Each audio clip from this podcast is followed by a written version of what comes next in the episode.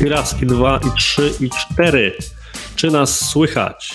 Halo, halo, halo. Widzę, że się pojawia coraz więcej osób. Już jest nas kilkadziesiąt. Dzień dobry, z tej strony Artur Jabłoński, a moim gościem jest...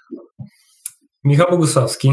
Michał Bogusławski, który za chwilę powiem coś więcej, ale standardowo, zanim rozpoczniemy, musimy przejść tę dziką procedurę, którą znają wszyscy z webinarów, czyli czy nas widać, czy nas słychać. Jest to szczególnie istotne akurat dzisiaj, ponieważ po raz pierwszy streamujemy na YouTubie. Stwierdziłem, że muszę zacząć jak typowy internetowy celebryta żebrać osoby w każdym możliwym kanale, więc jeżeli w tej chwili oglądasz nas, mnie na YouTubie, to gorąco Cię zachęcam. To jest taki guziczek, doskonale wiesz, jak to działa, nie muszę tego w tym momencie tłumaczyć. Pojawiają się pierwsze lajki. Jest z nami Mateusz, jest z nami Łukasz, jest z nami Jędrzej. Cześć wszystkim, witam bardzo serdecznie. Uff, wszystko działa. Wszystko technicznie działa bez zarzutu. Walczyliśmy tutaj do ostatniej sekundy z Michałem. Krystian też mówi, że widać. Ania też mówi, wow, widzę, że jesteście. Jest sporo osób. o dzwoneczkach. Nie ma dzwoneczka, rzeczywiście. Nie powiedziałem o dzwoneczku. No widać, że rozmawiam dzisiaj ze specjalistą od Google'a w takim razie. Mamy serduszka, mamy pierwsze lajki i rzeczywiście chyba tak puszczenie transmisji na YouTubie było sensownym krokiem, bo tak patrzę sobie w tej chwili po komentarzach, że spora część z Was rozmawia z YouTube'a, Możecie napisać, kto z Was ogląda na YouTubie, kto z Was ogląda z Facebooka. Będzie nam się łatwiej z Michałem zorientować. No, swoją drogą ciekawa sprawa właśnie, jaka będzie się rozkładać zależność, e, ile osób będzie na Facebooku, ile na, na YouTube. To prawda, bo szczerze przyznam, oj, ostatni webinar, który prowadziłem na YouTubie, był jakieś dwa lata temu, może dalej. I tak zawsze mi jest trochę wstyd, bo to jest jeden z najpopularniejszych filmów na moim kanale, bo wiesz, ma dobry opis, zdążył się, że tak powiem, uleżeć, a to jest taki paździerz, wiesz, na, na tle ściany, bez żadnej kamery, z jeszcze moim starym mikrofonem. nie mam nic za sobą. Pusta ściana. Ale nie, to nie był żaden dig at you, mój drogi. Nie miałem ochoty cię oczywiście urazić. Natomiast wiesz, ja w ogóle nie ubrany, także zawsze mi tak głupio. I myślę, z jednej strony bym wywalił ten film z tego kanału, a z drugiej strony ma tyle wyświetleń, że cały czas napędza ruch na kanale. Mam nadzieję, że nasz dzisiejszy live na przykład, nasz dzisiejszy odcinek z tymi wszystkimi pozostałymi wygra. Zaczynając część oficjalną. Witam w kolejnym odcinku konkretnie o marketingu mojego programu, w którym przepytuję gości bez zbędnych wstępów i wyciągam z nich, chamsko i momentami przerywając, wszystkie dogłębne informacje na temat kampanii, które prowadzą. I dzisiejszy odcinek, moi drodzy, jest absolutnie wyjątkowy i to będzie mój ulubiony odcinek z jednego bardzo prostego powodu. Jest to pierwszy odcinek, na który udało mi się zaprosić kogoś z mojego zespołu. I mówiąc udało mi się, to muszę przyznać, że walka była ciężka, bo jest kilka osób chętnych, zakolejkowanych, które poznacie wkrótce, które znacie już z live'ów na fanpage'u Digitalk, ale trwała walka o to, kto będzie pierwszy. I okazało się, że największym męstwem i rycerstwem wykazał się Michał. Michał, jak się z tym czujesz, że jesteś Ktoś pierwszy? Musiał być pierwszy, chociaż miałem być drugi, ale okazało się, że jestem pierwszy. ale nieważne, nie wchodźmy w to, ważne, że jesteśmy to prawda, to było tak, że podszedłem Michała bezczelnie, bo mówię mu, dobrze, dobrze, to ty będziesz za dwa tygodnie, w przyszłym tygodniu będzie ktoś inny, po czym zeszłotygodniowego live'u z kilku powodów nie było, no i jest Michał, no bo przecież jakoś się umówił na termin. Podciągnięty. To się pojawił. No, bardzo się cieszę. I też warto przyznać, że w sumie to taki nasz, nasze zaległe spotkanie, bo byliśmy umówieni na podcast, ale trochę nas koronawirus dopadł. To prawda. No i teraz właśnie ten podcast się nagrywa, jeszcze od razu jest na YouTubie, więc coś się odwlecze, to nie uciecze i chyba na dobre wyszło. Kim jest Michał? Bo Michał, jak za każdy skromny gość, nie chce się sam przedstawiać, więc ja powiem w tym momencie za niego, że Michał jest myślę, w absolutnym topie specjalistów z zakresu reklam Google'a, który ja znam, którego obserwuję od lat. Znamy się prywatnie, ale też zawodowo mijając się w różnego rodzaju korytarzach, na tych samych klientach i tak dalej od dobrych kilku lat i zawsze chciałem z gościem pracować, ale nigdy nie wiedziałem jak zagadać. po czym okazało się, że Michał właśnie sam się chyba odezwałeś wtedy, prawda? Tak, tak właściwie to Właściwie to wyglądało tak, że ja do ciebie miałem dwa podjazdy. Raz, że tak powiem, się nie udało, a za drugim razem akurat się wstrzeliłem, że była pewna przestrzeń jak to mówią, dobry czas w dobrym miejscu, pewna koincydencja. i fajnie się zeszło. Wyszło, wyszło bardzo dobrze. I z Michałem dzisiaj porozmawiamy o Google Ads, czyli o jego specjalizacji. Poetyka, moi drodzy, jest dokładnie taka sama jak za każdym razem, czyli ja mam pewną listę niewygodnych pytań, które chcę mojemu gościowi zadać, natomiast w międzyczasie oraz i na koniec odcinka czekamy na blok pytań od Was, a że Google Ads to jest, mówmy się, ważny temat, szczególnie teraz, gdy wszyscy chcą bardzo mocno nastawiać się przede wszystkim na działania sprzedażowe, słusznie czy nie, to jest temat na inną okazję, natomiast na pewno liczę, że będziecie próbowali zagiąć mojego gościa i pokażę, jakim jest ekspertem, że na każde z tych pytań odpowie. No pressure, Michał. Na sam początek, żeby ci było łatwo, to chciałem cię spytać o twoje zdanie o jednym z najfajniejszych air quotes narzędzi googlowych, jakim jest AdWords Express. Czy warto z tego korzystać? Ojejku. To jedziemy z grubej rury w takim razie. No jak konkretnie o marketingu, no to jedziemy konkretnie. Słuchajcie, moje zdanie o AdWords Express jest bardzo jednoznaczne. E, ja uważam, że to jest coś złego.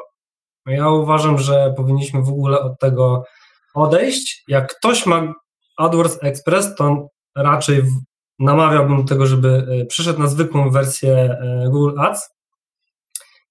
A czemu? Bo po prostu to jest taka wersja programu bardzo okrojonego i tam są ograniczone możliwości, tam są ograniczone możliwości raportowania, tam są ograniczone możliwości konwersji. Właściwie, jak miałbym coś do, do czego to porównać, to troszeczkę by było tak, jak macie AdWords Express, to trochę tak jakbyście mieli arkusz kalkulacyjny Excela, w którym mielibyście tylko dodawanie i odejmowanie. Ale wiesz co, ja spróbuję być z diaboli w tym momencie, no bo e, AdWords Express jest funkcją dla początkujących. Ty oczywiście jako specjalista i osoba, która potrzebuje zaawansowanych rozwiązań, od razu chcesz zanegować AdWords Express ze swojej perspektywy, bo są ci potrzebne te zaawansowane funkcje. Pytanie, czy dla osoby, która dopiero rozpoczyna swoją przygodę, to nie jest, wiesz, odpowiednie narzędzie na pewnym etapie, czy też może są tam rzeczy, które je dyskwalifikują od samego startu? Nie, zdecydowanie to nie jest narzędzie na, na coś takiego, że od samego startu, e, że w pewnych okolicznościach mogłoby być to dobre. Ja całkowicie neguję ten, e, ten okrojony program e, z bardzo prostego powodu. AdWords Express po prostu jest droższy, a powinien dla początkujących powinien być czymś, czymś prostszym do ustawienia, czymś tańszym. Być może prosty jest, ale to jest prosta droga do wydania większej ilości pieniędzy. A bardzo dlaczego jest droższy? Podam. Robiliśmy takie testy i ustawialiśmy dokładnie tą samą kampanię z tymi samymi stroną do, docelową i stawki CPC, czyli per kliknięcie, były czterokrotnie wyższe. A dlaczego to wynika, mój drogi?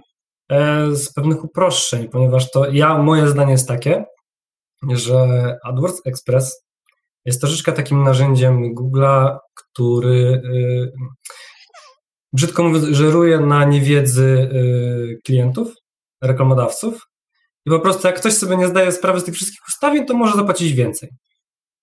Okej. Okay. on nie zdaje sobie sprawy, czy koszt za klik złotówka to jest mało czy dużo, czy tu powinien mieć 20 groszy, czy 4 złote. Stąd te różnice. Mhm. Wiesz, zadałem to pytanie nieprzypadkowo. Z tego powodu, że jest to jedna z funkcji półautomatycznych, które miałyby Ci pomóc. I ostatnio, zarówno w kontekście ekosystemu, w którym ja się czuję dużo swobodniej, wiesz, Facebook, Instagram czy LinkedIn, czy właśnie Twojej całej działki Google'owej, coraz częściej pojawiają się jakieś automatyczne rozwiązania, wprowadzane albo przez zewnętrznych dostawców, wiesz, różnego rodzaju startupy, które same optymalizują rzekomo reklamy i tak dalej, czy też zarówno i Google i Facebook wprowadzają półautomatyczne rozwiązania, które docelowo mają całkowicie zastąpić rolę osób takich jak ty i ja. I teraz Powiedz, czy ty się boisz na przykład, że nie wiem, za dwa lata stracimy pracę, bo całkowicie zastąpią nas te algorytmy, czy uważasz, że właśnie wręcz przeciwnie?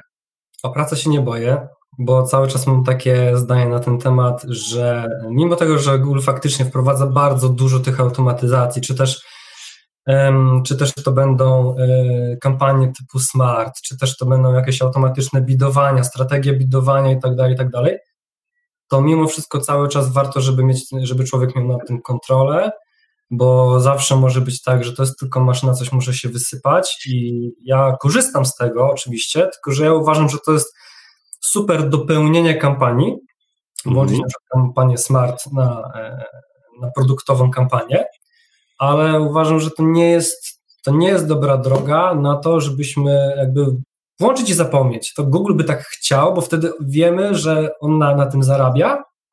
Co za tym idzie domyślnie, to są często ustawienia droższe, trzeba mieć na tym kontrolę. To też nie jest tak, że w smarcie nic nie zrobisz.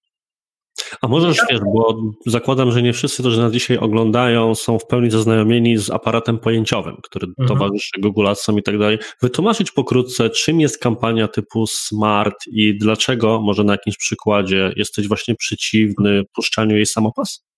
E, kampania typu smart to jest e, taka typu kampania, gdzie całe targetowanie jakby jest po stronie Google. On bierze wszystkie rodzaje e, możliwości targetowanych pod uwagę i robi taką różną porcję kombinacji, z których później zbiera dane, jest pewna faza nauki, zbiera te dane i na bazie tego później podejmuje dalsze decyzje optymalizacyjne, to wszystko się dzieje mniej więcej troszeczkę poza nami. E, i wtedy jakby podejmuje właśnie dalsze kroki. No i teraz przykładowo robi taką sobie kombinację, że nasz produkt sprzedaje, na przykład pokazuje bardziej, faworyzuje pokazywanie takim produktom na przykład kobietom, w danym zakresie jakiejś tam demografii, powiedzmy po 40, o takich i takich zainteresowaniach. I te faworyzuje. Często jest tak, że on wtedy właśnie odpuszcza zupełnie inne, inne jakby e, konstelacje e, targetowania i skupia się na tych, żeby maksymalizować wyniki. Co w samą w sobie nie jest złe, ale potrzeba często bardzo długiego okresu, takiego na czas nauki po prostu, gdzie po prostu skupia się to na zbieraniu danych i po prostu wydawania pieniędzy, budżetu reklamowego. Mhm. Często to jest tak, że po prostu to też jest, często ta kampania Smart jest po prostu zawodna pod względem tego, że to jest to system, automat, ma swoje algorytmy, często się wysypie. No my mamy takie kampanie na naszych klientach. A co to znaczy, że się wysypie, jeżeli możesz no, powiedzieć? Przykład źle przerobi klik. Bo mamy, na przykład, y, bo mamy na przykład fit, fit produktowy, czyli naszą bazę danych dotyczących produktów i po pewnym czasie po prostu to się zatnie. I na przykład nie mamy tego, musimy to zrobić ręcznie później. Mamy nawet takie przypadki u nas na kontach, nazwijmy to szeroko pojęta odzieżówka, że cyklicznie musimy tą kampanię odświeżyć, powiedzmy, tak najprostszym, y, no, najprostszym mówiąc, bo często właśnie wysypuje się ten ta kampania Smart i trzeba jakby ją automatyzować od nowa i właściwie sam Google nie wie, dlaczego tak się dzieje. To jest jakiś błąd, jak piszemy do supportu, to jest jedynym, jedyną odpowiedzią jest to właśnie, żeby włączyć to od początku.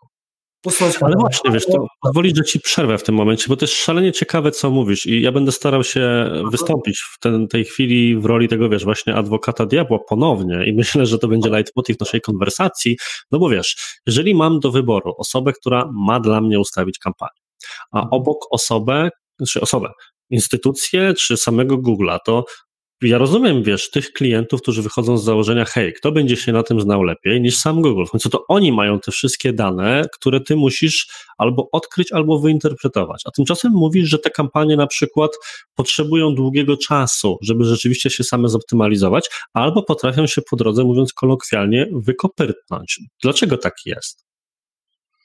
Wiesz co, trzeba zadać sobie yy, drugie pytanie. Kto na tym zarabia? Okej. Okay. A zarabia na Google, a, a Google nie, nie zarabia na naszych konwersjach. Google zarabia na naszych kliknięciach. Bo płatność jest per klik, więc Google'owi często zależy na, na tym, żeby po prostu wydać więcej, ergo, żeby klikało się więcej. Oczywiście są wprowadzone algorytmy na to, żebyśmy maksymalizowali nasze konwersje, nasze wartości konwersji, ale mimo wszystko na koniec są kliki i są, jest kasa idzie do Google. Czyli próbując, wiesz, próbując to sprowadzić do jakiegoś wspólnego mianownika, to mówisz, że automatyzacja jest nas w stanie doprowadzić do pewnego poziomu, a od tego poziomu na przykład, żeby czy to zaoszczędzić, czy zarobić więcej, potrzebna jest praca człowieka, tak? Dokładnie.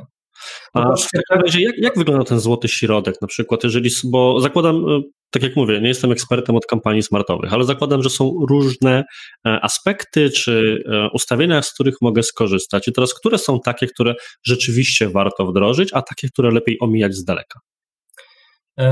Wiesz co, ja na przykład unikałbym, ogólnie na przykład podam to na takim prostym przykładzie. Automatyzacje są bardzo fajne, ale trzeba umieć je stosować. Na przykład mm, niedoświadczony użytkownik, reklamodawca może na przykład odpalić sobie wszystkie fajne kampanie i no okej, okay, robimy automatyzację, włączamy sobie ten fit, fit produktowy, włączamy kampanię smart i ustawiamy jako cel konwersję, czyli mhm. automatycznie automatyzację pod konwersję. Tylko hello, na początku nie ma tych konwersji, więc jakby system nie ma po co mm, zbierać danych. Nie ma jakby tego, tego, tego celu, bo konwersji na początku jest zero. Kiedyś musimy po prostu wystartować. I to jest bardzo częsty przypadek, kiedy po prostu lecą nam koszty, a konwersji nie ma. A przecież włączyliśmy automatyzację pod konwersję, więc gdzie one są? To jest bardzo prosty właśnie mm, sposób, jak po prostu nie wiedząc o tym, jak to działa, można po prostu wydać same pieniądze. A prosty tip. Włączcie najpierw na jakiś okres czasu, nie wiem, w zależności od budżetu, żebyśmy zebrali reprezentatywną próbkę danych. No nie jestem w stanie tutaj określić ile, bo w każdej branży to jest inna próbka, ale powiedzmy, niech sobie kampania by pochodziła po 2, 3, 4 tygodnie, zbierze powiedzmy 30, 50, 100 konwersji i wtedy włączyć automatyzację. Mamy już okay. wtedy pewną e, dawkę wiedzy dla Google'a, którą on może wziąć pod uwagę i wtedy można coś takiego przeprowadzić i takich pułapek jest więcej. Czyli co, wtedy już, czyli to można zrobić tak, popraw mnie jeśli się mylę, że bierzesz sobie agencję na miesiąc, ona odwala tę całą robotę za Google Smarta i później zwalniasz agencję, jedziesz na automacie. Czy może się mylę? Uwielbiam takie sytuacje i wtedy, i wtedy taki człowiek y, cieszy się przez tydzień, dwa, do chwili, kiedy nagle koszt konwersji mu posypie się, nagle jest kosmicznie wysoki, albo po prostu, tak jak powiedziałem wcześniej, wysypie się cały, y, cała automatyzacja i nagle to nie działa, albo są same koszty. Ale wiesz co, to myślę, że to jest też kolejny wątek, który warto poruszyć, bo popatrz, mm, znaczy ponownie, próbuję to na logikę taką, wiesz, prostszą, mhm. zakładając, że ani ty, ani ja nie mielibyśmy wiedzy o tym algorytmie, no to mógłbym podejść do tego w ten sposób. Zatrudniam sobie specjalistę albo uruchamiam automatyzację to już obojętne. Taka kampania sobie idzie, ktoś nad nią, albo algorytm, albo człowiek grzebie.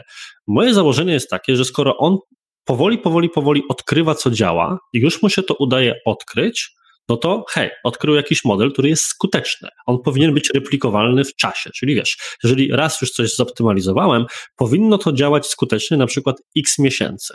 A tymczasem, wiesz, i nasze doświadczenia i doświadczenia algorytmu, jak mówisz, pokazują, że tak nie jest. I właśnie pomóż, myślę, czy mnie, czy naszym słuchaczom oglądającym zrozumieć, dlaczego tak jest, że kampania, która jest zoptymalizowana, teoretycznie odkryliśmy jakieś mechaniki działania, które sprzedają, nagle przestaje sprzedawać. Bardzo prosta sprawa ponieważ ta mechanika działa na bazie historii, czyli do tyłu, a nie jest, nie jest w stanie przewidzieć pewnych mechanizmów tego, co się dzieje. I na przykład y, taka automatyzacja musi zebrać znowu pewną bazę danych, żeby móc zareagować, chociaż uważam, że reagowanie to też nie jest w tym wypadku dobre słowo, bo na przykład mamy teraz koronawirusa y, i zachowania klientów po prostu się zmieniły, ale kampanie smart działają tak samo. I on po mhm. prostu potrzebuje za każdym razem nowego przemieniania ileś tam danych, żeby móc kolejno y, na nowo to zoptymalizować. I nie jest to do końca tak proste do wytłumaczenia, natomiast faktycznie wygląda to tak, że tam po prostu potrzebny jest człowiek, żeby nad tym trzymał pieczę i mm, żeby też, ponieważ może tak, to jest bardzo wąski wycinek takich kampanii, i gdybyśmy mieli tylko to włączyć, to tak naprawdę nie, znowu nie wykorzystujesz 100% potencjału. Czy, bo wiesz, Michał, myślę, że żebyśmy dobrze zrozumieli, z czego wynika moje pytanie, bo to trochę wynika do tego, za co płaci klient albo zleceniodawca. No bo jakby to powiedzieć, często się spotykam z czymś takim, że najtrudniejszy etap pracy nad kampanią to jest jej sam początek. Więc to, ja to oczywiście rozumiem. Myślę, że klienci też rozumieją. Nie ma jeszcze nic, jest ściernisko, ma być San Francisco, więc te wszystkie klocki trzeba mhm. poukładać, odpalasz kampanię i potem się zaczyna ten etap, który wszyscy freelancerzy czy agencje nazywają pięknie optymalizacją. I teraz E, za, zakładam, tudzież z rozmów z różnymi osobami e, wywnioskowuję, że to nie jest zrozumiałe do końca, na czym polega ta optymalizacja i czemu to jest właśnie takie trudne, a nawet trudniejsze niż to ustawianie. Dlatego chciałbym Ci zadać takie pytanie. Powiedz mi, kiedy dostajesz jakąś kampanię albo prowadzisz jakąś kampanię, wiesz, tygodnie bądź miesiące, to jakie są najważniejsze rzeczy, na które specjalista Google Ads taki jak ty patrzy, kiedy musi ocenić efektywność kampanii, chcieć ją poprawić? Jakie to są ustawienia, rzeczy, triki? Co się właściwie robi w takiej kampanii? Co to znaczy ta optymalizacja? Wiesz co? to jest bardzo ciekawy temat, bo tak naprawdę tych czynników biorących udział mm, w ogóle w koszcie jest mnóstwo. Czyli co, jakby skąd się bierze koszt i mm, jest kilka, kilkanaście, kilka nawet dziesiąt czynników, które możemy właśnie optymalizować. I podam na przykład kilka takich, których ja stosuję. I ważny taki na początku wyznacznik, że zawsze dobieramy te czynniki, te mierniki, które odpowiadają nam za nasz cel, czy po prostu kampania osiągnie sukces, czy nie, bo innym celem jest zasięg, innym celem jest mierzenie konwersji i de facto sprzedaż, a czym innym na przykład będzie kampania, to też kampania lidowa, sprzedażowej to też jest zupełnie coś innego. I na przykład bardzo często, najczęściej rozpoczyna się właśnie od po prostu kosztu konwersji, czyli kosztu tego ostatecznego działania, na którym nam zależy. Czy to będzie lead, uh-huh. czy to będzie zakup, czy to będzie telefon, cokolwiek. Bo... No dobra, i załóżmy, że ten koszt jest mm, za wysoki w stosunku do tego, co na przykład ustaliłeś z klientem. To gdzie się wówczas patrzy, żeby próbować ten koszt zbić? Kilka podstawowych rzeczy, na których ja najczęściej zwracam uwagę. Lokalizacja, czyli skąd e, przychodzą nam najwięcej zamówień, bo oczywiście możemy ustawić kampanię na całą Polskę, ale e, doradzam nawet y, w środku dodać kilka lokalizacji, nawet jeżeli chodzi o województwa czy też największe miasta, po to, żeby obserwować, z, ku, z których miejsc jest najwięcej konwersji. Może być tak, że po prostu najwięcej konwersji mamy na przykład z Warszawy. I wtedy na zasadzie y, z, zasady Pareto, czyli że 20% całego y, ruchu robi nam 80% przychodu, możemy to optymalizować, czyli bardziej mm, ten taki suwak budżetowy y, skłania się właśnie ku temu jednemu czynnikowi. I takich czynników jest więcej. Jest na przykład bardzo prosta sprawa.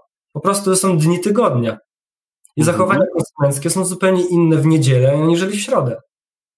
No czy to jest tak, że wiesz, bo do czego dążyło trochę moje mhm. pytanie? Czy istnieje jakaś złota lista, czyli wiesz, Michał sobie wstaje rano, otwiera Excela, tam ma 10 punktów, złote zasady optymalizacji i każdym kącie jedzie to samo i zmienia to samo, czy też to jest tak, że to działa inaczej? Jakaś checklista na pewno istnieje. Ja takiej nie mam, bo działam na, na zasadzie właśnie sprawdzenia, że wchodzę na konto, sprawdzam, jaka tam jest sytuacja zastana i sprawdzam po kolei rzeczy, żeby wychwycić właśnie, gdzie może być ten pies pogrzewany, gdzie jest jakby ten, to najsłabsze ogniwo, gdzie może na, mogą nam uciekać pieniądze i to eliminować, po pierwsze, a po drugie pielęgnować i dbać o to, co nam przynosi więcej konwersji. Mhm. Czyli na przykład, e, jeżeli w poniedziałek mamy więcej tańszych konwersji, to ja będę chciał wyświetlać się w poniedziałki częściej. A jeżeli na przykład w sobotę tracimy tę konwersję, to trzeba nawet zastanowić się na tym, żeby nie na, na przykład zmienić tam, zmniejszyć tam budżetu, obniżyć stawki, tudzież po prostu wyłączyć reklamy w sobotę. Okej, okay. a czy to jest na przykład tak, że zauważasz jakieś, wiesz, mm, podobieństwa, że na przykład jeżeli chodzi o zostawianie, zostawanie leadem, to częściej ludzie w branży B2B robią to w tydzień, w tygodniu albo w weekend, a z kolei zakupy online, nie wiem, częściej w weekend. Są jakieś takie dane czy statystyki albo twoje obserwacje? Wiesz co, y, jeżeli chodzi na przykład o e-commerce, to są bardzo y, proste schematy, które są zazwyczaj powtarzalne i one mówią to, że najwięcej przychodu i zakupów robi się w poniedziałki.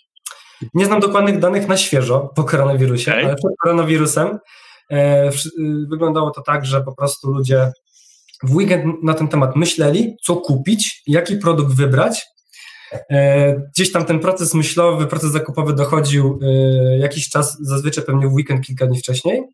Mhm. I on, finalizacja była tego w poniedziałek, zazwyczaj kiedy wchodzimy do pracy, bierzemy kawkę i kupujemy. To powiem Ci, że to, to teraz 4 maja musi być jakiś boom sprzedażowy, bo jest długi weekend, więc ludzie mają tak jeszcze jeden dzień, żeby się zastanowić, co będą chcieli no, kupić. Co wszędzie jest taka, jest pewna, jest pewien schemat, bo E, czy też na przykład na święta. To też tak, też tak wygląda. Po świętach, oczywiście przed świętami jest pierwszy pik, po świętach jest drugi pik. Łowcy promocji?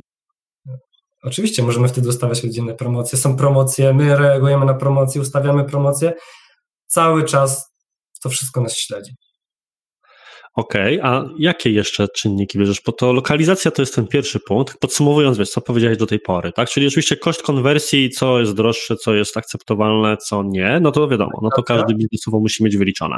Drugim elementem, który wymieniłeś jest lokalizacja. Trzecim dzień tygodnia zakładam, że również pora dnia zapewne, czy to wieczór, czy rano. Co jeszcze masz na swojej czarnej liście? Jeszcze a propos pory dnia, jeszcze a propos pory dnia. Uwielbiam okay. robić mapy. Uwielbiam rzucacie sobie e, raport e, z Google Ads, rozbicie na godziny, na przykład ten niech będzie ten poniedziałek e, i wtedy robicie sobie hitmapę po kolorach i widzicie na przykład, gdzie macie konkretne godziny, takie okienka zakupowe wręcz.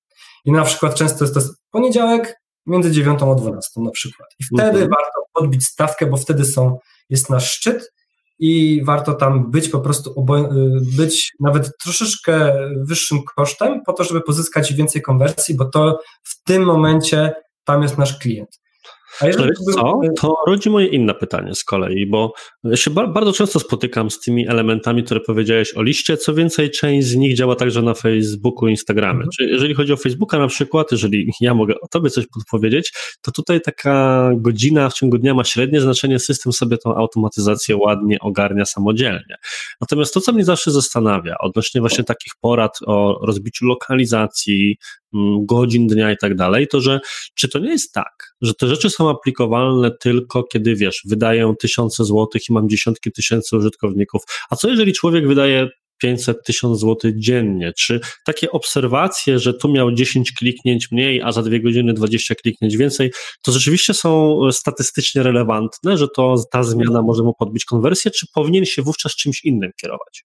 Oczywiście, ja uważam, że to jest bardzo ważne, ponieważ ten klient, który ma tylko 500 zł, a konkur jego konkurencja ma na przykład 5000, to on powinien moim zdaniem skupić się właśnie na tych takich czynnikach, na tych na przykład na, na, na, na podstawie tego, mm, tych pór dnia, czy też yy, dni tygodnia, to on powinien być w tym momencie, kiedy jego klient szuka.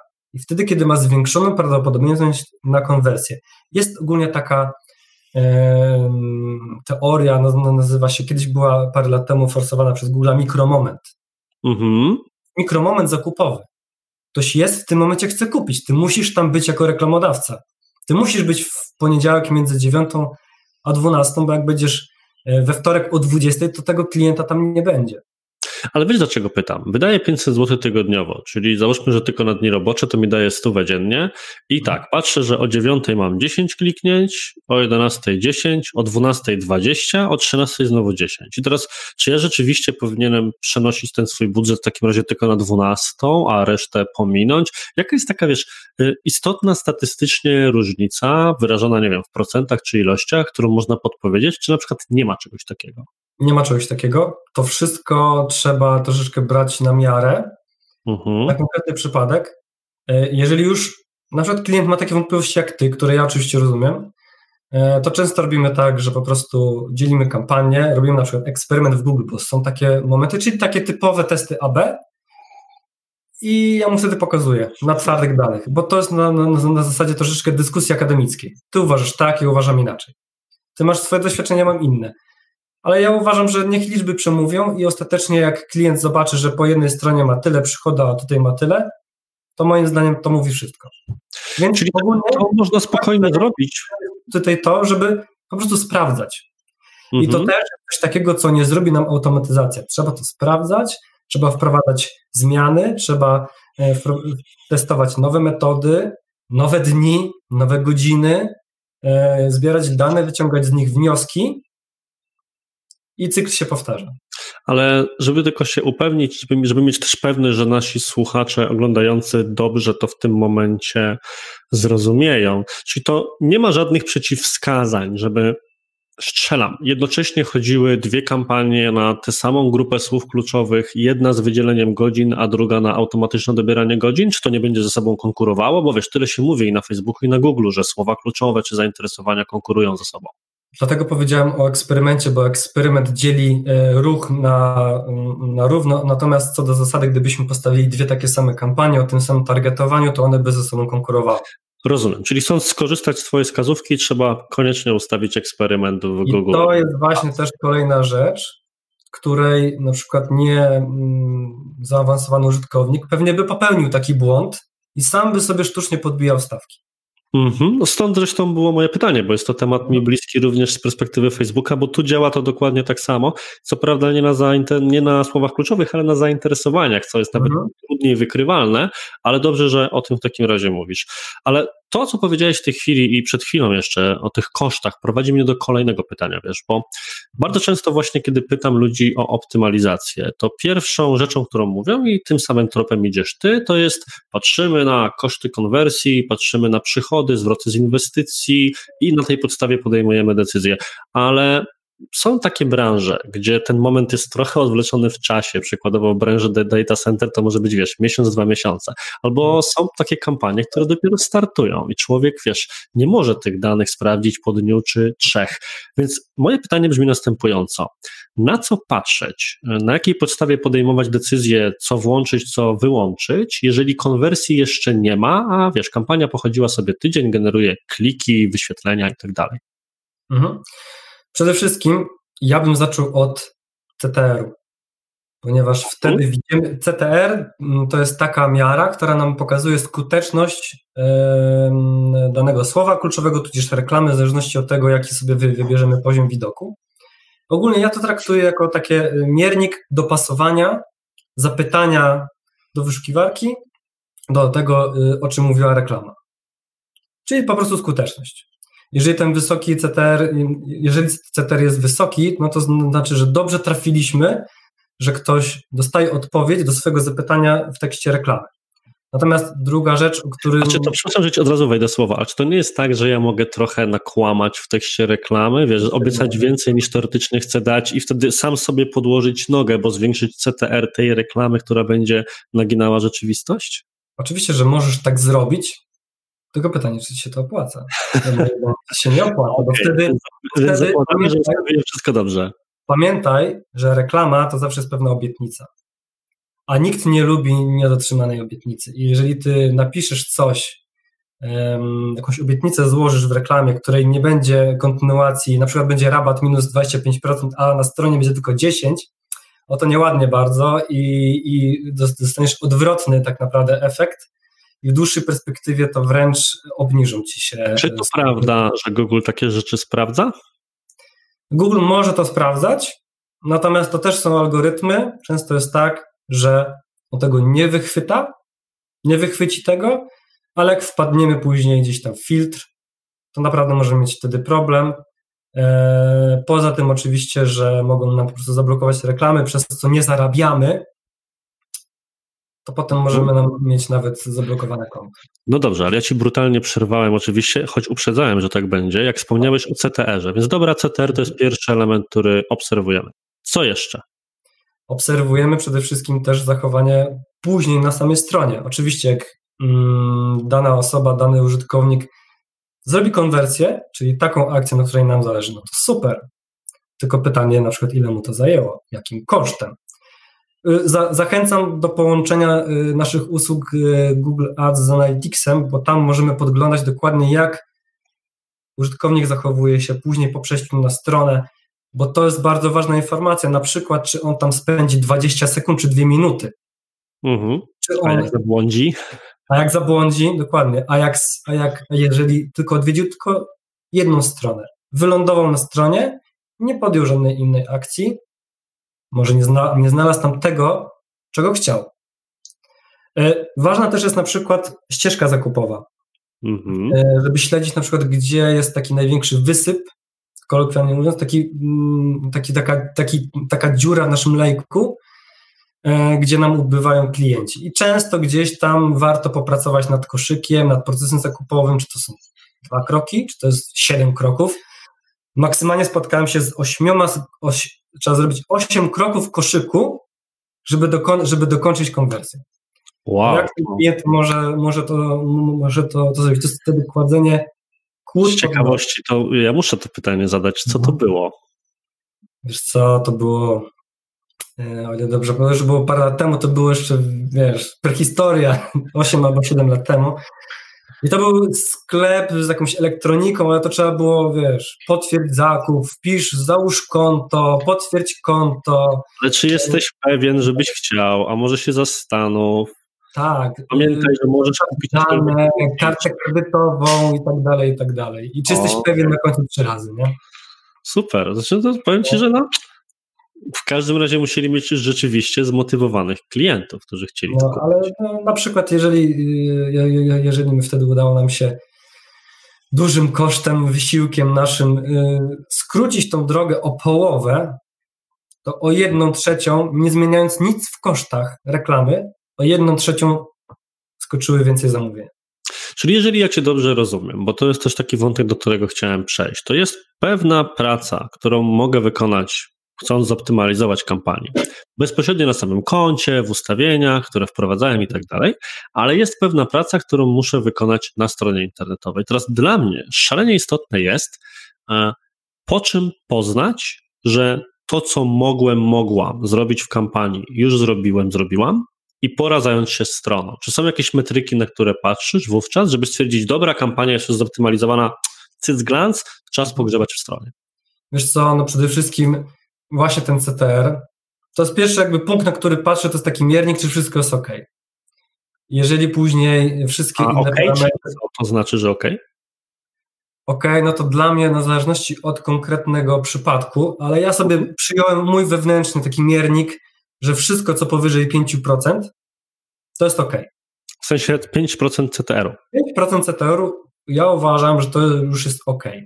Jeżeli jest poniżej tej wartości, to skupiam się na tym, żeby CTR podwyższyć. Natomiast jeżeli, wracając do Twojego pytania, jeżeli mam taki przypadek, o którym mówisz, mm, to też patrzę przede wszystkim, czy ja włączam, czy mam włączone wszystkie typy reklamy, czy ja wykorzystuję wszystkie możliwości reklamowe, e, czy mam porobione wszystkie słowa kluczowe, czy nie mam gdzieś jakichś ukrytych e, słów kluczowych, czyli raport wyszukiwanych haseł, czy nie ma tam gdzieś jakiegoś, e, nazwijmy to, e, babola pod tym względem, że wyświetlamy się na jakieś słowa, na które, których nie przewidzieliśmy. Robimy sobie listę słów kluczowych wykluczających. Bardzo ważna sprawa, słuchajcie, jak nie mamy dobrze zoptymalizowanej listy słów wykluczających, to zawsze może być z tym problem. Jeżeli ogólnie są konwersje, czyli proces śledzenia działa, to wtedy wchodzę do strony. I warto na przykład, prosta sprawa, nie każdy nawet to robi. Ja wielokrotnie, jak mam nowego klienta, to po prostu robię zakup testowy. Mówię, szanowny kliencie, wejdę, kupię coś, proszę potem podeślę numer zamówienia, proszę anulować.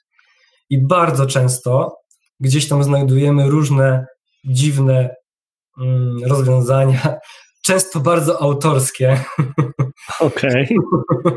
które po prostu dla tej osoby, która to robiła, była intuicyjna, ładna, ale niekoniecznie intuicyjna i mhm. podstawowa dla użytkownika. Nie wiem, na przykład dziwne umiejscowienie koszyka, że ktoś wkłada do koszyka, ale nie wiedział ten koszyk, gdzie jest koszyk teraz. To jest bardzo częste. Albo nie ma, anima, nie, nie ma w ogóle animacji, koszyk jest ukryty, trzeba przejść dwie zakładki, żeby wejść do koszyka. Często ten problem ukryty jest na stronie, a jeżeli mamy już dobrze przeszliśmy ten etap, mamy dobrze zoptymalizowaną kampanię, wiemy, że wykorzystujemy już najwięcej y, potencjału, jak tylko możemy w stanie. Y, i nic tam jakby nie ma żadnych odchyleń, to wtedy warto wejść w tą stronę, y, dać kilku osobom, żeby sobie zrobiły zakup testowy, zobaczyć, co ich odstrasza, zrobić sobie jakiś audyt, zainstalować. Że tymi osobami nie mogą być chyba osoby, które były nie, bezpośrednio tak, zaangażowane w ten projekt, prawda? Nie, jeżeli, jeżeli to jest moja strona internetowa, to nie biorę mojej żony na, za przykład wtedy. Dlaczego?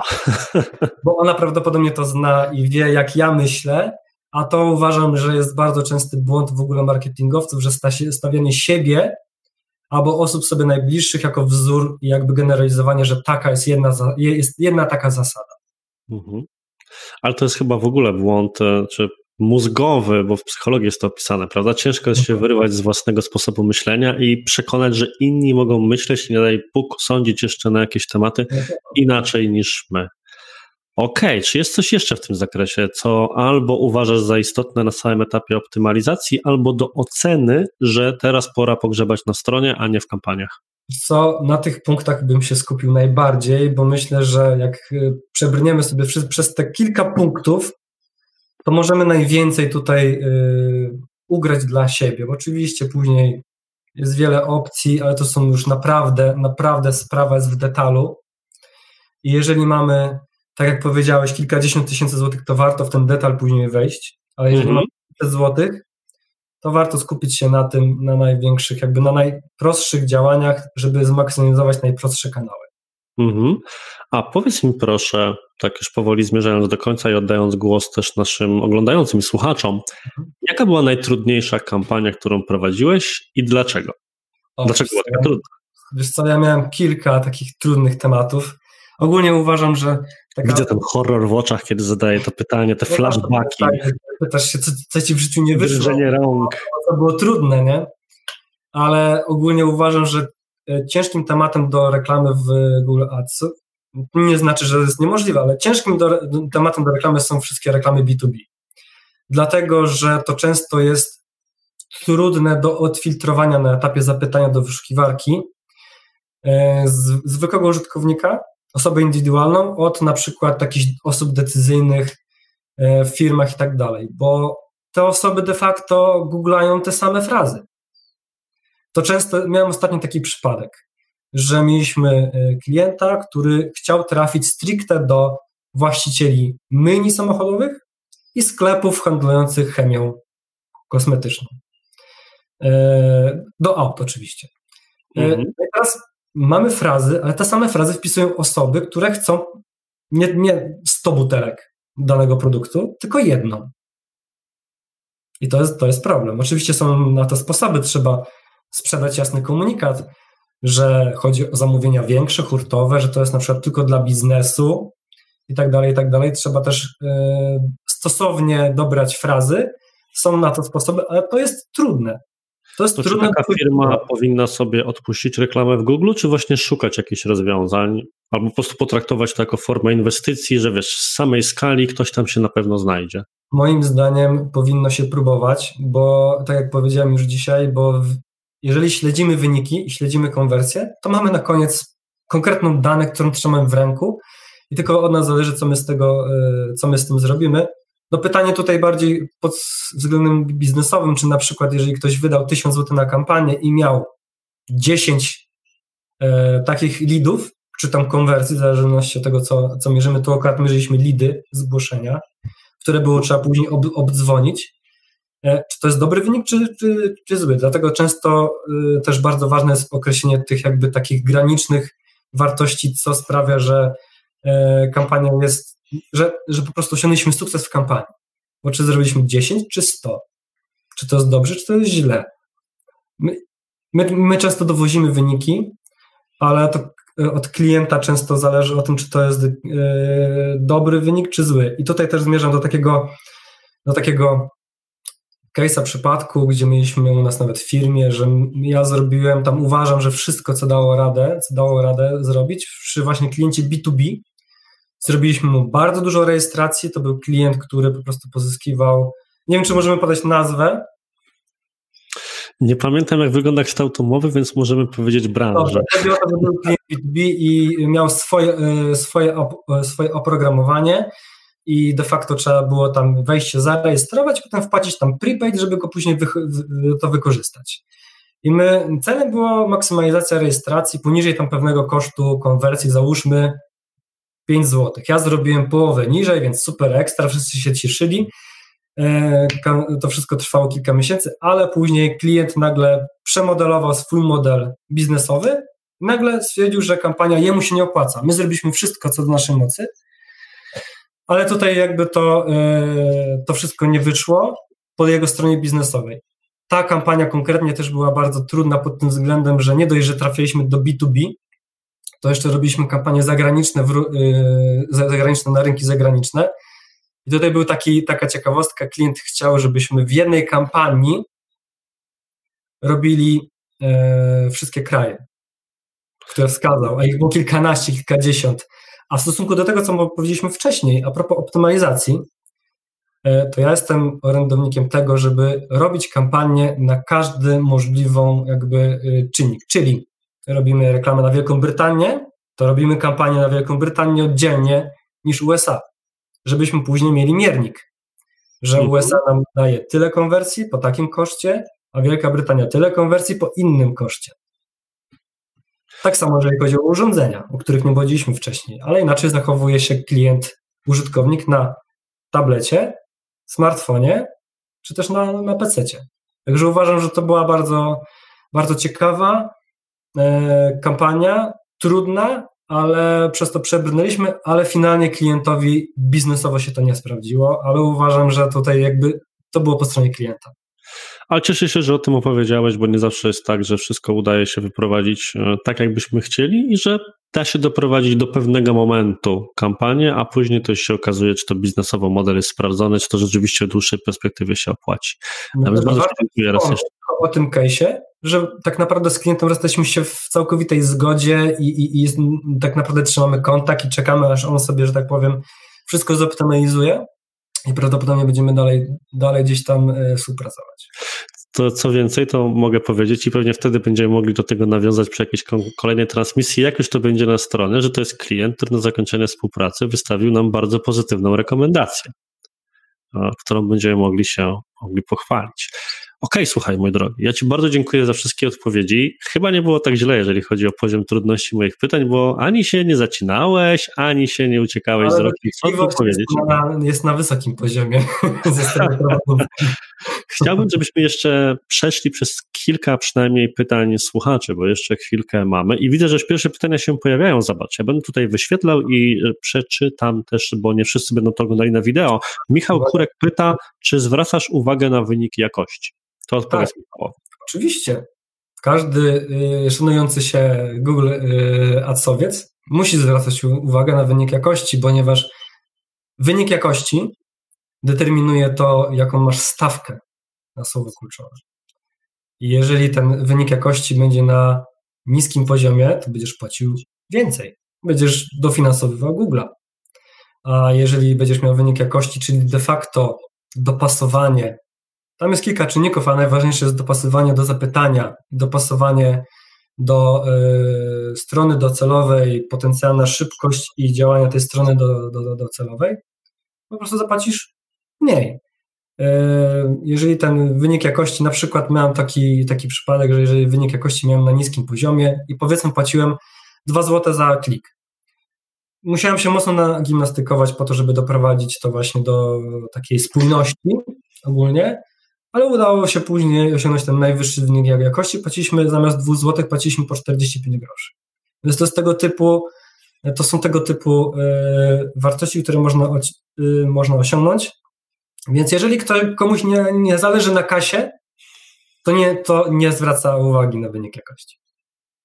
Okej, okay, kolejne pytanie. Pytanie od Kuby Biernackiego. Czy przy pomocy Google Ads można wypromować aplikację stworzoną przez klienta? Aplikacja adresowana na smartfon do robienia zakupów w konkretnym sklepie. Co sądzisz? Oczywiście można. Są do tego odpowiednie, oddzielne kampanie promujące aplikacje. Można w takiej kampanii również śledzić konwersję typu Aha, bo ważne też, czy to jest taka aplikacja, którą możemy pobrać po prostu w, gdzieś tam w sklepie mm, Google Play. Jeżeli tak, to możemy nawet śledzić konwersję. Więc tak, możemy to robić, robimy takie kampanie. Nie jest to jeszcze zbyt popularna forma, bo tych, y, tych, tych, tych aplikacji nie jest. Może one żyją swoim własnym życiem, mają różne inne kanały, ale oczywiście możemy to robić. Jak najbardziej. Co więcej, powiem Ci, Kuba, tak uzupełniając odpowiedź Michała, że mieliśmy w firmie kilka takich e, kampanii na aplikacje. Można tak robić i na Google, można je promować, można je promować też na Facebooku i na Instagramie. W zależności od branży czy konkretnej aplikacji, lepiej, mówiąc lepiej, mam na myśli niższy koszt per instalacja, radził sobie bądź Google, bądź e, Facebook, więc polecam Ci przetestowanie obu tych dróg. A tymczasem pojawiło się jeszcze pytanie od Jędrzeja, które pozwolę sobie sparafrazować, bo jest nieco długie. E, Myślę, że dobrze oddam myśl Jędrzeja. Jeżeli nie, to mam nadzieję, że mnie poprawi w komentarzu. jak reklamować się na Google Adsach, żeby budować markę osobistą, żeby jednocześnie nie wyjść na takiego pewnie człowieka, który wiesz, wyskakuje z lodówki i tylko krzyczy, patrz, to ja i jest bardzo nastawiony na siebie. Mm, szczerze mówiąc, ja trochę nie rozumiem pytania. Więc widzisz, Jędrzeju, obaj mamy z tym problem, więc jeżeli mógłbyś swoje pytanie jeszcze inaczej Poczekaj, bo czy reklamowanie jest przydatne budowanie marki osobistej? Ale to pytanie, czy Jędrzeju, czy chodzi Ci o to, że na przykład e, co ma się wyświetlić po wpisaniu Artur Jabłoński? Możemy ustawić, że będzie strona Artura, tak? Jeżeli chodzi o markę osobistą. Czy na przykład możemy ustawić na wszelkiego rodzaju blogi, zapytania, to wszystko, co Artur Chyba w podobnym, w podobnym tropie czy kierunku idzie pytanie Piotra. Mam produkt SaaS B2B, czy reklamowanie siebie jako osobę to dobra taktyka dla produktów B2B? Więc chyba obu panom chodzi o to, czy, czy przez pryzmat marki osobistej można promować produkty dla biznesu w Google Adsach i jak taką strategię byś oceniał albo co byś zaproponował? Nadal powtórzę pytanie, czy to chodzi o to, że ja jestem jako reklamodawca, czy chodzi o to, żeby, że no nie wiem, tutaj ja muszę parafrazę Jędrzeja, jego własną, samego siebie, w jaki sposób wykorzystać reklamy Google'owe do budowania marki osobistej. Aha, okej, okay, dobra, już wiem. Słuchaj, Jędrzej, w zależności od tego, co robisz, bo na przykład tutaj podałem przykład Artura, bo uważam, że on ma bardzo mocną, e, rozpoznawaną markę osobistą, więc jeżeli A, dziękuję. wszystko to, co Artur wyciąga na przykład poprzez e, bardzo duży ruch na stronie z organika, to też również można by podbić na przykład przez e, Google Adsy. Bo na przykład Artur pisze artykuł na dany temat i go szukają. Oczywiście, może być to, nie wiem, jak kontakt Facebook. O nie. Możemy wtedy, możemy wtedy to oczywiście wy, sobie wygospodarować sobie takie frazy kluczowe, na które chcemy być widoczni. To może być oczywiście coś, na czym się znamy, coś, co mamy w swojej ofercie, albo coś, co chcielibyśmy być postrzegani w takim kontekście i wtedy również się tam umieścić.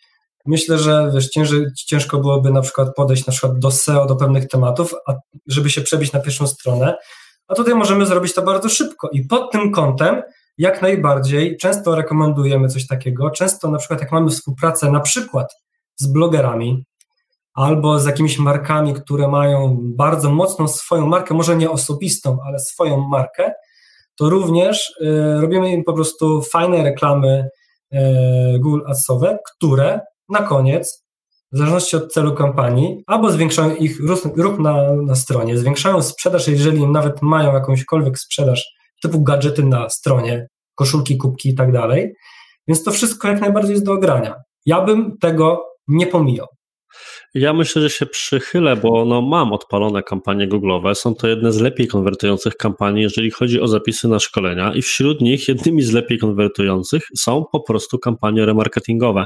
Myślę, że Jędrzeju, to co spokojnie możesz sobie zrobić, to możesz przyjąć e, niestandardowe grupowanie kanałów Google Analytics i jakieś hasła, które będą na przykład związane bezpośrednio z Tobą jako osobą, ustawić jako moja marka osobista. Na to ci pozwolą właśnie niestandardowe grupowania kanałów, a później na ścieżkach konwersji, które wspomniał Michał, będziesz spokojnie widział na przykład, czy tego typu zapytania po jakimś upływie czasu sprawiły, że ktoś skonwertował z zupełnie innej kampanii już bezpośrednio na Twój produkt. Czyli to jest ponownie to, do czego ja bardzo często nawiązuję w naszych rozmowach ze wszystkimi gośćmi, wychodzenie poza zero-jedynkowe myślenie, pyk kanał, last click sprzedaż, ale patrzenie na etap jako na element wielościeżkowy czy wielokrokowy, do czego też Michał tutaj nawiązywał.